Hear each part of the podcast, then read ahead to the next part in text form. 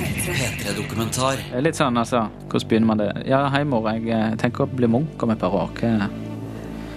Det er liksom ikke eh, en setning man sier for ofte i dagens eh, Norge. Hvis Gud vil, hva gjør du når du er 20 år og lurer på om du er kalla til å gå i kloster? Mitt navn er Frid Kvarp Skarmo Hansen. 3, 3.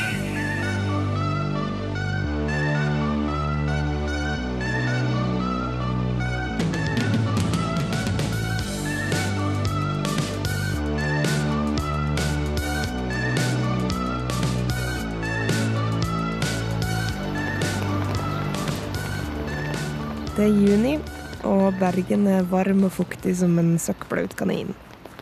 Jeg går inn porten til Santa Sunniva studenthjem og spotter med en gang han jeg leter etter, ikledd en svart, fotsig kappe og alpelue. Jeg får veldig mye positivt for den kappen. Og, jeg er veldig glad i den kappen, det må jeg si. Så jeg syns jo det er litt dumt at det har begynt å bli varmt i været. Men eh, sånn er det, da. Men altså, jeg kunne jo godt tenkt meg å gått uh, holdt på å si prestekjole, svart prestekjole. Men, uh, men av at jeg er jo ikke prest, så kan jeg jo ikke det. Men eh, en eller annen svart kappe, i alle fall. Men, men, men, men, men det er jo altså ja, Det er jo litt sånn menneskefrykt i meg òg, så, jeg- så jeg tenker jo litt på hva folk tenker. Men samtidig så ah, så er jeg veldig opptatt av det der vi- vi må få være oss sjøl, uansett hvem vi er. Navnet til denne kappekledde er Benjamin Anda. Han er 20 år gammel og har fjeset til en glattbarbert teddybjørn. For et år siden så flytta han ifra Jæren til Bergen for å gå prestestudiet. Ja. Studentheimen han bor på er en ombygd nonnebolig, som ifølge seg selv er en plass for studenter som ønsker å leve et liv i etterfølgelse av Jesus Kristus.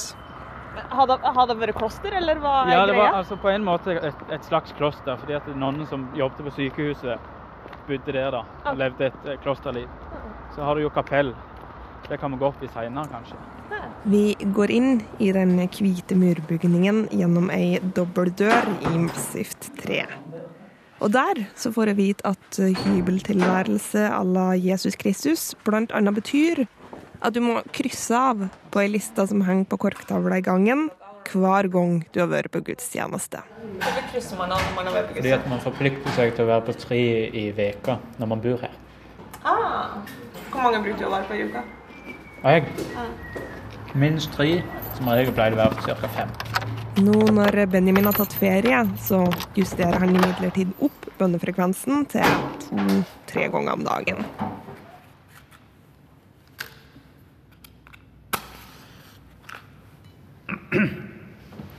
Men da bare begynner jeg, og så ber jeg.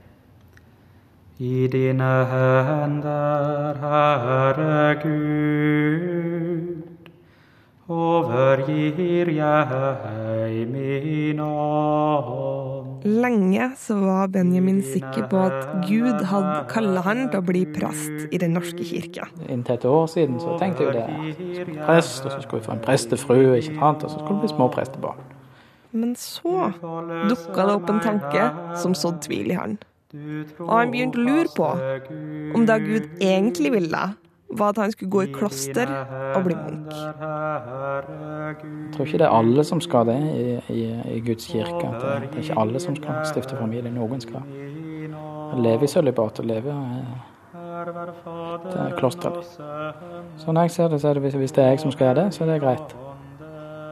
Da, da er det, det For meg er det viktigere at Guds vilje skjer, enn at, at eh, mine lyster blir fulgt. for å si det sånn. Og nå, etter å ha gått rundt og lurt i over et år, så har Benjamin endelig tatt mot til seg. Og kontakter et kloster for å spørre om han kan komme på besøk. I håp om at et opphold i kloster vil klargjøre hva det er Gud egentlig vil. Se hit, Herre, min Gud, og svar meg. Oppklar mine øyne, for at ikke mine motstandere skal fryde seg når jeg vakler. Og mens Benjamin er på sin åndelige reise, så skal selvsagt jeg benytte anledningen til å få svar på mine klosterspørsmål. For hvordan vet man egentlig om man har fått et kall? Ser munker av og til på porno ifra klostercellen? Og kan du gå på kino iført munkehabit? Eh, jeg, var, jeg var jo så hobbiten Og da fikk jeg mange sånne søte smil. da. Nei, se på han der, da. Så han gledd seg ut, liksom. Så sorry. This is the real stuff. Men før vi kommer så langt, så må vi bli litt mer kjent med Benjamin. For det er jo unektelig litt sært at en gutt på 20 funderer på en tilværelse i kloster. Men vi kan, vi kan jo gå inn på rommet mitt, kanskje, hvis, Ja, det, hvis du syns Det kan vi godt gjøre. Siden studenthybelen er sjelens speil, så starter vi med en omvisning på rommet til Benjamin. Som for øvrig er en gammel nonnecelle. Hvorfor har du så mange bibler? Ja, si det. Det spurte min far òg. Ja. Skal vi se. Nei, altså den ene det er jo en sånn studiebibel, de to. Litt forskjellig. Den er ganske ny. Den er, har vært en del år. Så er det forskjellige oversettelser, da. Det- Og så er den på nynorsk, og den er på bokmål. Til sammen så taller det 17 bibler på det 6 kvadrat store rommet, som aller nødigst tar plass til det mest grunnleggende av møbler. Attmed døra så er det en vask, under den står det tre tomme vinflasker, og på veggen ved vinduet er det klistra opp paveportrett. Så her har jeg da tenkt at alle de pavene som har vært i min levetid, skal være. Nei, altså du har lagt en plan. Du skal Ja, ja, ja. Så må jeg ha paverekken sånn. Så har jeg noe Jeg vil heller ha det enn folk av nakne damer på veggen, kjenner jeg. Benjamin slår seg ned i stolen som står under paverekka, og speider ut over veggene som er tapetsert med kristne ikoner. Nei, bare å Jeg ser på rommet, da. Du er en mann som er glad i ikon, Å, ja, veldig glad i ikon. Jeg tror vi, vi teller det innimellom. Uh, men vi må gjøre det litt med sånn jevne mellomrom, for det, det, vi glemmer det innimellom. Hvor mange er det?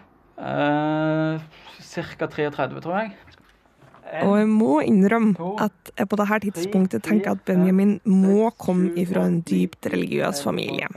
I mitt hode så er det det eneste som kan forklare at en 20-åring tenker at kloster kanskje er veien å gå. Mine, mine foreldre er jo ikke kristne. Er de ikke kristen? Nei. det, du hørte- du hørtes overraska ut. Ja, Ja, jeg er det, for jeg ja. tenker sånn tenker sånn, Nei, er helt sikkert fra kristen familie. Nei. Hvordan har du funnet på det her, da? Å, det kan du si. Eh, Jeg spør meg sjøl det. Nei, altså, men min farmor og farfar er jo de på, som på mange måter har uh, leda meg inn i trua, da. Tatt meg med på, på bedehus i, i kirka. Nå har jeg skilte foreldre òg, da. Altså, jeg har, så jeg har to sted, altså stefar og stemor i tillegg. Så, og min stemor er buddhist. Og min stefar er nå relativt ikke så veldig glad i, i kristendommen, men vi har jo et, altså, vi har et godt forhold alle sammen. Eh, Det er viktig å si, at, at jeg har aldri opplevd noen motstand. Sånn, eh, men vi får, får jo, har jo litt sånne samtaler imellom om eh, hvor vi finner ut at vi er nå uenige om det meste, da. Og det er jo ikke til å komme bort ifra at mange nok vil være veldig uenig med Benjamin. I og med at han har det som ofte kalles for mørkemannsmeninger. Jeg er ikke så redd for det mørkemannsstempelet. Det har jeg fått for lenge siden. Det er vel fem år siden jeg fikk det, så det går fint. Jeg, jeg husker det var en periode der jeg sa jeg er stolt mørkemann. Så. Som en stolt mørkemann så mener han annet at kvinner ikke bør få lov til å bli prester. Han sier at det er ikke noe galt i å være homofil, og at han egentlig ikke har noe med hvem andre mennesker ligger med. Men at det ikke er noe tvil om at det å leve ut en homofil legning er en synd sett ifra Guds perspektiv. Jeg tror ikke at det finnes flere sannheter. Jeg tror det er kun én ting som er sant, i alle ting. Det han likevel har de sterkeste følelsene for, er kampen mot abort. Og han er òg mot abort etter voldtekt. Det er jo ikke det barnet sin feil at, at mor er blitt voldtatt. Altså, det er jo ikke, det, det er jo ikke Da blir det feil, mener jeg, å straffe det barnet fordi at det er en mann som har eh, tatt seg så voldsomt til rette. Da burde det heller vært dødsstraff for den mannen, tenker jeg. For å si det litt drøyt. Altså, jeg mener jo, jeg er jo imot dødsstraff i alle tilfeller. Men heller. Men heller det, mener jeg, ja. Enn at et uskyldig barn skal bli drept fordi at det er en mann som ikke klarer å styre sine lyster. Det er drøyt sagt, men, men, men, men altså Hvis en skal sette det helt på spissen, så burde det heller vært han som voldtok, istedenfor det uskyldige barnet som blir skapt. Så du mener ikke det er noe argument at den kvinnen som har vært voldtatt, ikke skal være tvinga til å oppdra barnet til voldtektsmannen? Det fins adopsjonsmuligheter i dette landet. Jeg tenker heller adopsjon enn abort. Det blir jo en psykisk påkjenning å skal bære fram det barnet som er resultatet av en voldtekt. Ja, men det er nok ganske alvorlig å bli drept òg. Altså, Du ser, på det, du ser på det som drap. Jeg ser på det som drap. Og det handler ikke nødvendigvis bare om min tro. Det handler bl.a. om min tro, for jeg tror at alle barnet er i Guds bilde. Å drepe et, et, et skaperverk av Gud mener jeg helt feil. Men, men det handler òg altså, helt verdslig at det er et barn uansett. Alle vet jo at det er feil å drepe. Og jeg kan ikke forstå at det ikke er drap. Altså fare for mora sitt liv, da. Ja, det, Der er det jo eneste hvor jeg kanskje syns det er greit. Men igjen, der òg er det jo det vanskeligste å sette opp et liv mot et annet liv.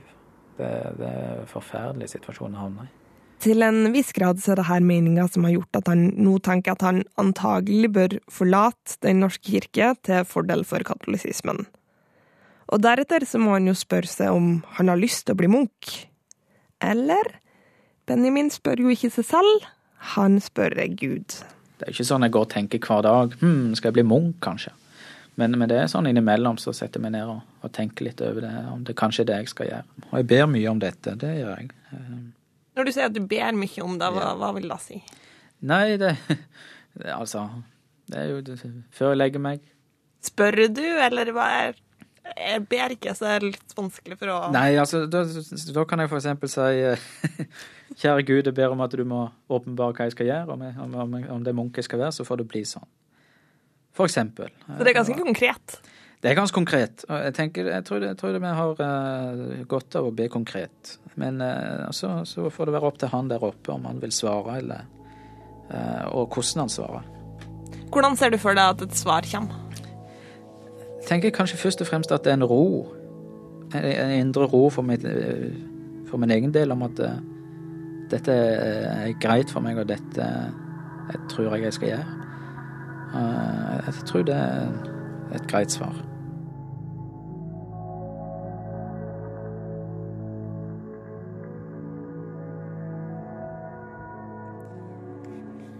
Men eh, før du avskriver Benjamin som en eh, endimensjonal mørkemann, så må det jo nevnes at han òg har et liv utenfor gudsdyrkelsen.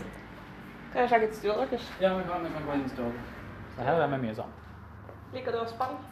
Jeg spiller litt Xbox i sammen med han ene som bor her. Spiller litt Call of Duty, et sånt skytespill. Får du dårlig samvittighet, eller er det, er det litt, litt. Så derfor så pleier man jo pleier vi ofte å se en sånn litt sånn koselig, familievennlig serie da, etterpå på TV, for å roe oss ned litt. Seriøst? Det er jo litt på tull at vi sier det, men, vi gjør, men det, det, var en periode hvor vi ofte så på eh, Jeg lurer på om den heter Fem i familien, eller noe sånt på, på norsk. Det var en sånn serie. sier jeg. Michael J. Fox. Hver episode var en sånn uh, samfunnslære. At altså, du liksom sånn moral i ja, Det var helt sært. Benjamin er òg en sånn fyr som har naturlig anlegg for å få jentevenner. I dag så har han fått besøk av ei venninne hjemmefra, og hun får omvisning i huset og kjøleskapet. Nå er det snart sommerferie, så jeg har ikke så mye her. da. Så det er litt stusslig. Er litt dette kjøleskapet Nei, det er mitt. Min hylle. Litt vin, tran og vann. Vin, tran og vann. da har man det man trenger. er du sånn som ikke lager middag og bare spiser brødskiva bestandig, eller er du en middagskokuleringsmann? Jeg, jeg, noe av det verste jeg vet, er å lage mat. Så den gjerne han er hjemme, som er ganske greit. å bare invitere en folk bort som kan lage middagen, så spiser man i lag etterpå. Sånn, så kjøper jeg inn vare, og så, og, så, og så, lager vi det sammen. Eller at de lager. Sant? Det er glimrende. Og hvis det er en plass, så er det fort han er en av de siste som går hjem. Rangler mye og liker å være med folk. Hva du tenker om eh, Benjamin sin tanke om å bli munk? Jeg trodde bare han tullet med det først når han sa det, for jeg syns det hørtes litt spesielt ut. Men eh, jeg tror kanskje han mener det litt. Det var mer enn litt. Ja. Nei, han må eh, gjøre det han tror Gud vil han skal gjøre. Mm. Så får vi se hva det er. Men syns ikke det høres litt ekstremt ut? Ja, det er jeg kanskje på en måte litt enig i. mm. Men sånn som du kjenner en sånn type, tenker du sånn Ja, men OK, kanskje Kanskje passer han til det? Um, nei Jo, nei. Men jeg ville ikke tenkt liksom, helt om meg sjøl at han burde bli Munch. Liksom. Det bare passer han skikkelig godt til. Men uh, hvis jeg skulle sagt en i vennegjengen så hadde det passet å bli Munch, så hadde det sikkert vært Benjamin allikevel. det begynte jo litt som en, en litt sånn tullete ting. Ja, for det var det jeg trodde. At ja, det var litt, litt, sånn tull i starten, egentlig. Ja, det begynte sånn tull. Men så, så plutselig sa jeg det, så tenkte jeg oi søren, skulle ikke sagt det. Da ble det plutselig litt, litt sånn, begynte å tenke litt på det, da. Mer enn som bare en sånn spøk. Så har det bobla og vokst inn i hodet og sånne ting. Nå har tanken om munkekallet vokst seg så stor at Benjamin har lyst til å teste ut om kloster faktisk slår an hos han. Han har sendt en mail til dominikanerklosteret i Oslo og spurt om han kan komme på besøk. Og før han vet ordet av det, så har han fått svar ifra vi bror Håvard Simon. Jeg leser mailen, vil du det? Ja, kan du ikke det? Hei, Benjamin. Hyggelig å høre fra deg. Det høres ut som en lur plan å ta kontakt med klosteret, og hyggelig at du tar kontakt med meg. Jeg syns absolutt du burde komme og være noen dager i klosteret Sankt Dominikus, så du får oppleve litt av klosterlivet der, og får tid til å snakke litt med meg og med brødrene om klosterlivet. Jeg synes ikke du virker for ung til å konvertere. Det er en modningsprosess, og det virker på meg som du er i en fin prosess der. Beste hilsen bror Håvard Simon. Så det var jo et eh, godt svar. Men da kan jeg iallfall komme til klosteret, så det er jo fint. Ja. Mm. Tenker du at du skal komme dit og være der i noen dager? da? Ja, da må jeg jo være der noen dager. Ja, Kult! ja så det blir, det blir bra. Når skal du gjøre det, da? Ja, si det. Vi må, må høre hva tid det passer for de. Jeg reiser hjem, og når jeg møter Benjamin neste gang, så har det blitt senhøst. Og toget fra Bergen har akkurat rulla inn på Oslo sentralbanestasjon.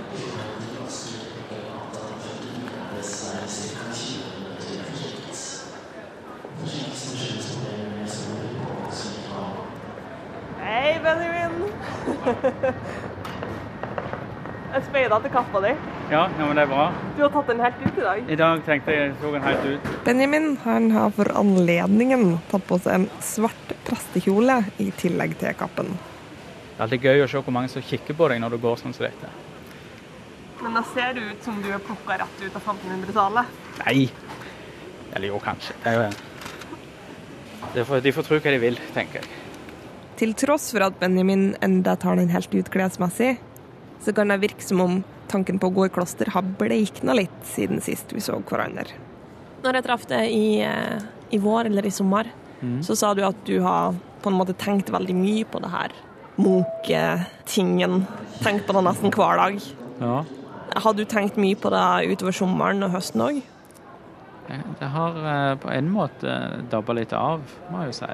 Mm. Samtidig som det har Men det òg har gått litt i bølgedaler. Eh, men da det har på en måte tatt litt pause. Nå er spørsmålet om klosteret vil slukke tanken på å bli munk for godt, eller tvert imot vekke den til livet igjen. Folk, stol alltid på Gud. Øs ut for ham det som fyller hjertet. Gud er vår tilflukt. Ære være Faderen og Sønnen og Den hellige ånd. Nå og alltid og i evigheters evighet. Amen.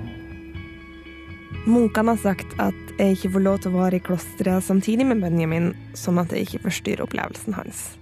Men siden jeg òg gjerne vil få svar på mine munkespørsmål, så står jeg opp grytidlig. Og mens Benjamin enda drømmer søtt om Jesus, så står jeg i porten til St. Dominikus kloster på Majorstua i Oslo. Vi går her ned. Jeg blir møtt av bror Håvard Simon, som leder meg inn på et siderom, hvor salmene til dagens morgenbønn testes ut på et barnekeyboard, som har det som ser ut som vinflekker på tangentene. Det hender man må ha litt keyboard for å for å støtte melodiene litt. Og det må jeg gjøre i dag, for nå er, nå er vi Det går dette her. Jeg var nødt for å ta og brife opp den her. Disse synger vi så sjelden, for i dag er det jo allehelgensdag. Eh, og da er det jo andre noter enn det, liksom de vanlige ukene. Alle de kan man utenat. Men eh, når det er litt sånn ekstra festdager og sånn, da må man være litt eh, må skjerpe litt ekstra, da. Skal vi se om vi klarer å få til dette her.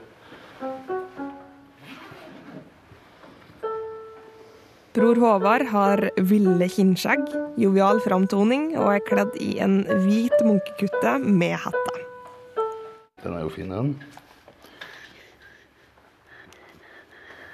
Har du både siviltøy når du er ute, eller går du med munkekutte? Nei, det er veldig sjelden jeg har sivil. Veldig sjelden. Jeg har noe sammenbretta bukser i skapet. Altså, det er munk jeg er.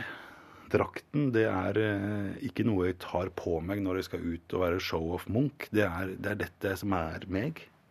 Så hvorfor ikke gå i det hele tiden? Hvor ofte bruker du hetta på gutten din? Den, den bruker jeg gjerne når jeg ber, så kan man, kan man ha den oppe. Eller så bruker jeg ikke hetta når jeg går ut i gaten. Jeg bruker heller en lue eller en sixpence eller et eller annet sånt. Det ser litt sånn eh, ser litt for uh, eller et eller annet. Jeg, var, jeg var jo så Hobbiten. Og da fikk jeg mange sånne søte smil. da. Nei, se på han der. han kledd seg ut, liksom. Så sorry. This is the real stuff. Skal vi du.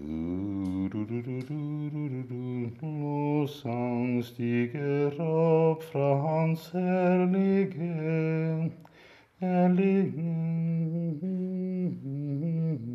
Det er ikke kronglete, den her. Det blir sikkert rektotonen på den der. Kommer jeg aldri til å klare å få til likevel. Etter litt mer klimpring er det klart for å stige bort til kapellet, der de fem-seks andre munkene allerede er på vei inn. Her er de fra P3 som skal bare ha litt bilder og sånn. Hei, Deum laudamus,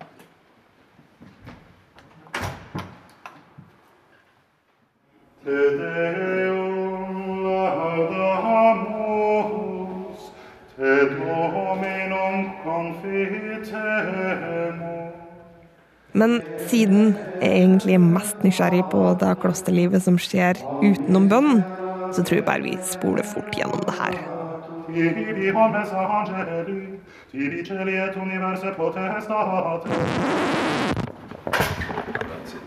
Så er det klart. Da er det klart. Hva er planen nå? Jeg lurer på om vi kan se oss litt om, så jeg kan se hvordan det ser ut her. Fra innsida så ser klosteret litt ut som et offentlig bygg fra 70-tallet. I alle fall den delen av klosteret jeg får se. Jeg får nemlig ikke lov til å se klausuren, den delen av klosteret hvor munkene har rommene sine, og ellers leve sine private liv. Der, er det, der har vi vår private sone. Benjamin, får han lov til å komme inn dit? Han får lov til det. Han er gjest her, og han, eh, han blir da tatt inn i det fellesskapet de dagene han er her. Selv om munkene har godt vern om sin private sone, så kjører de en kommunistisk linje når det kommer til eiendom. Bror Håvard han jobber som prest, og lønna hans den går rett inn på klosterets felleskonto. Har dere noen personlige eiendeler? I teorien nei, men eh, jeg bruker, foretrekker å bruke mitt eget undertøy, for å si det sånn. Så, men jeg har ikke, ikke, jeg har ikke privat eh, eiendom. Så alt jeg eier, eh, er jo, til, er jo på en måte til felles Det er jo en del av fellesskapets eiendom. Men PC-en min, den må jeg nesten ha. iPaden min som jeg bruker når jeg er ute på tur ute og reiser. Den er så liten og lett og fin å skrive på. Så det er sånt som jeg, eh, som jeg anser som mitt allikevel. Så noe eierskap eh, får man jo til, til de tingene man har nærmest og bruker oftest. Men er det noen som ikke har sitt eget private undertøy? Nei, jeg tror ikke det. jeg tror ikke det. ja, det er ellers så det vært så veldig sykehusinstitusjon, liksom. Så her på heimen. Føler du noen gang at du lever på en institusjon? Eh, ja Mm, eh, Men jeg prøver å, jeg prøver å motvirke det, med, som prøver å bidra til å gjøre det til et hjem. Eh, For det er jo et hjem. Men det har jo visse, det har jo visse preg av det institusjonelle. Det er jo litt lagt opp til det òg. Så det er en struktur da, som er litt institusjonalisert. Men det rammeverket er viktig. Vi går forbi strykerommet, der flere rader med hvite tennissokker henger til tørk.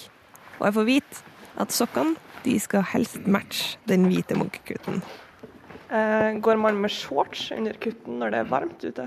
Det er varmt, ja. Eh, Jeg pleier ikke å gå kommando, i hvert fall. Eh, Men går med en shorts eller en stillongs sånn, et eller annet eh, som er, ikke er for varmt. Ja. For det blir det jo fort om sommeren, i hvert fall. Fra tennissokkene så går vi over til sakristiet, hvor munkenes mer ekstravagante smak kommer til uttrykk. Det er eh, sakristiet. Og her har vi da jo liksom Det er det man gjør klart alt til messen osv. osv. så, videre. så vi har en del forskjellig liturgisk utstyr, kalker og disker. Bror Håvard roter inn i et skap og leter fram i kappa, det som på fagspråket kalles messhagl. Den brukte han når han var fersk prest.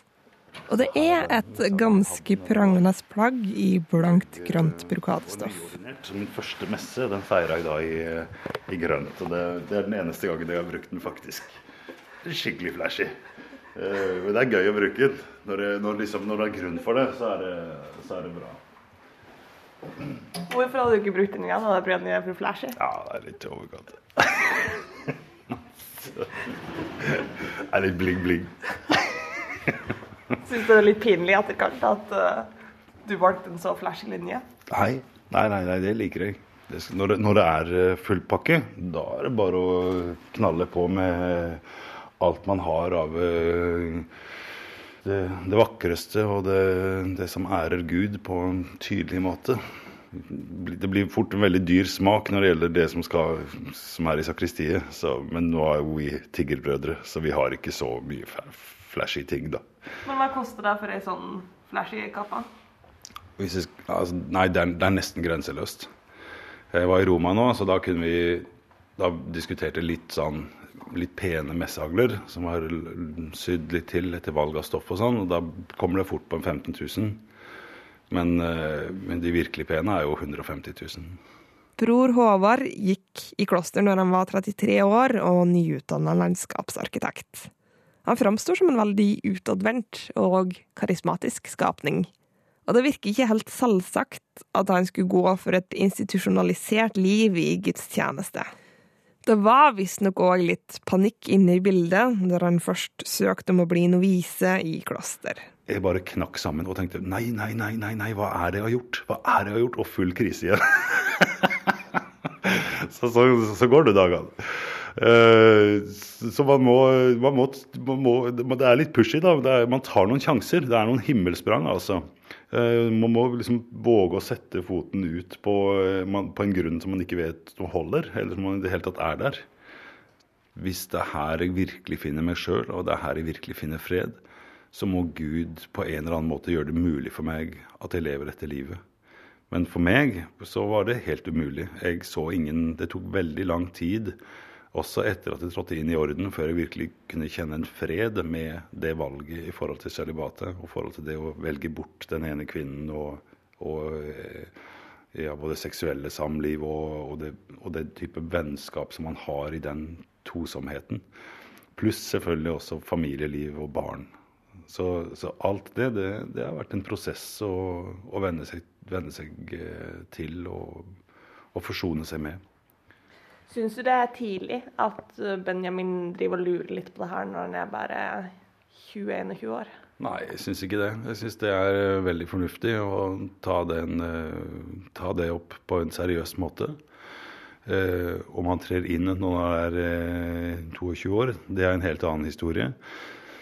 Men å jobbe med den saken, jobbe med det, det tanker om kallet, jobbe, jobbe med seg sjøl på et på et så viktig spørsmål. Det er ikke noe Det er ikke en menneskerett å eh, skulle gifte seg heller. Det er, man må se på alle mulighetene som livet gir. Og i Den katolske kirke så er dette en av de mulighetene som man har som ungt menneske. Og mange ganger eldre òg. Jeg var 33 når jeg trådte inn i ordenen, så jeg var jo litt eldre enn de, enn de yngste, i hvert fall. Seksuell avholdenhet er jo en av de største hindrene å overkomme som munk. Og Håvard Simon er ærlig på at internettalderen byr på noen ekstra utfordringer når det kommer til cølibati. For i dagens kloster så har jo svært mange munker PC på rommet sitt. Så det er fort gjort å skli ut med sånne endeløse YouTube-underholdningsfilmer og, og, og meningsløshet. Eh, og mer alvorlig grad, også porno og den type ting, er, er, en eh, utfordring som vi står midt oppi. og som det ikke, som per i dag ikke er egentlig er gode løsninger på. Jeg husker da vi var i Oxford, så hadde vi en ganske god IT-ansvarlig, og han var villig til å gå inn og legge sperrer på eh, en del eh, nettadresser, f.eks. YouTube. Jeg vet ikke om det her er for personlig spørsmål, men har du slitt med å skulle lett være å surfe på porno på nettet? Ja, jeg har slitt med det, ja. Det, det er sånn periodevis så, så har jeg opplevd svakhet og, i forhold til det at man lett tyr til det. Og det er kanskje særlig når man er eh, sliten og når man er eh, litt nedkjørt, så vil man eh, Eller så kan jeg merke det at jeg eh, blir mindre motstandsdyktig da, for den fristelsen. For det, det, det, kanskje gir et u, u, umiddelbart velvære. Eh, men som, som, ikke gir noe velvære i det lange løp. Så det er jo på en måte den erfaringen man gjør seg, da, og som jeg gjør meg også, som gjør at jeg, at det blir At jeg ønsker å ta mer tydeligere avstand fra det nettopp pga. det. At det egentlig drar meg ned eh, over tid. Det er eh, en, en sånn grunnleggende kvalitet, da, syns jeg, ved dominikanerordenen det er at man tar utgangspunkt i det menneskelige, og det menneskelige er ikke perfekt. Man må ta mennesket der det står. Eh, med de styrker, men også med de svakheter det har. Det er tid for å gå, og bror Håvard følger med til porten, ikledd en svart kappe à la den Benjamin har. Det som likevel er mest påfallende med antrekket, er at han har tatt på seg ei svart lue med påskriften 'swag'. Bror Håvard han har kanskje noenlunde koll på pornokonsumet sitt, men jeg lurer litt på om han, som de fleste andre dødelige, er litt hekta på Facebook-likes. Det var en fyr som sa uh, dominikanerhabiten. Det er maksimal munkeswag. Så, så skrev jeg hashtag munkeswag og hashtag hjerte. da. Så, men, så, men, så, huska jeg jo på at jeg hadde jo den lua her. så, så, da måtte jeg jo ta bilde av meg sjøl med swag-lua på like etterpå. Jeg hadde glemt at jeg faktisk hadde swag-lue. Så det var det var, det var, ganske underholdende. da. Jeg fikk en del tilbakemeldinger på Facebook på den der. swag. Sånn. Så det er bra. Munkeswag, det er viktig. Så får vi jo se hvordan det går med Benjamin når han kommer. Det, hvordan, han, hvordan, han, opplever det. det. det. er jo en litt heftig ting òg. Å møte, møte det. Klosteret og den, den rammen. Hallo. Er det noen der? Det har gått i uka, og Benjamin har kommet seg ut av klosteret igjen og tatt toget over fjellet tilbake til Bergen. Hallo. Hallo. Er du der? Hører du meg? Ja, jeg hører deg. Nå har han tatt plass i et radiostudio. Det er tid for å gjøre opp status og høre hva bror Håvards munkeswag har gjort med Munkekalle. Hvordan har du hatt det? Jeg har hatt det eh, meget fint. Når jeg reiste bort, så var jeg jo, var jeg jo mer i den at eh, nei, jeg, jeg, tror ikke det er dette jeg skal. Men så, så, gjorde jeg jo nettopp den tabben med å reise bort, da. Reise til klosteret? Ja. Så nå eh, så For å si det sånn, tanken om å gå i kloster har, eh, har festa seg litt igjen. Så på en måte så kunne det vært greit å ikke reist. Men jeg må jo si jeg er sjeleglad for at jeg reiste, for det var en del ting som på mange måter falt litt på plass sånn personlig, da. Så det var, var, litt herlig. Men her må det nevnes at å bli munk, det er ikke gjort i en håndvending. Før du kan tre inn i et kloster, så må du bli novise, der du lever i lag med de andre munkene i kloster i et år for å sjekke om kallet ditt holder vann. Hvis du holder så lenge, så avgir du noen midlertidige løfter, men det er ennå minst tre år før du avgir de evige løftene som gjør det til munk. Benjamin på sin side holder jo akkurat nå på med å utdanne seg til prest i Den norske kirke. Og dersom han konverterer til katolisismen, så kan han ikke bruke utdannelsen sin. Han må ganske enkelt gjøre om på alt han har tenkt om livet sitt til nå. Da sier det selv at det ikke er lett å si ja da, jeg skal helt sikkert bli munk når jeg blir stor. Men av, av, av ren tabloide hensyn, hvis du skulle prøve å slå en prosentsjanse for at du blir munk når du blir stor? Hva tror du? Uh, hvis vi tar utgangspunkt i dag, den eh, 8. november 2013, så vil jeg si en 50 sjanse. Oi! Det var høyere enn jeg trodde. Ja, det var det. Ja, hva du tippet, da? Jeg, dømmer jo ut ifra før du gikk i kloster, Ja. så det er nok det som påvirker meg. For da syns jeg det virka som om det har vært litt mindre aktuelt for deg. Syns du det er skummelt å tenke på? Ja og nei. Altså Jo, litt skummelt er det jo, for det er jo det er snakk om en helt altså om en helt unormal livsstil i forhold til folk flest. Ikke noe eh, kjæresteri og koneri og, og sånn. Og det, ja. Men samtidig så er det så, så er jeg litt rolig for det òg, fordi jeg eh, Jeg tror på en gud, og da Hvis det er sånn det skal være, så tror jeg at det ordner seg sånn òg. Og at det, det blir nok ikke lett, men eh, at det, når ting er på plass, så blir det godt.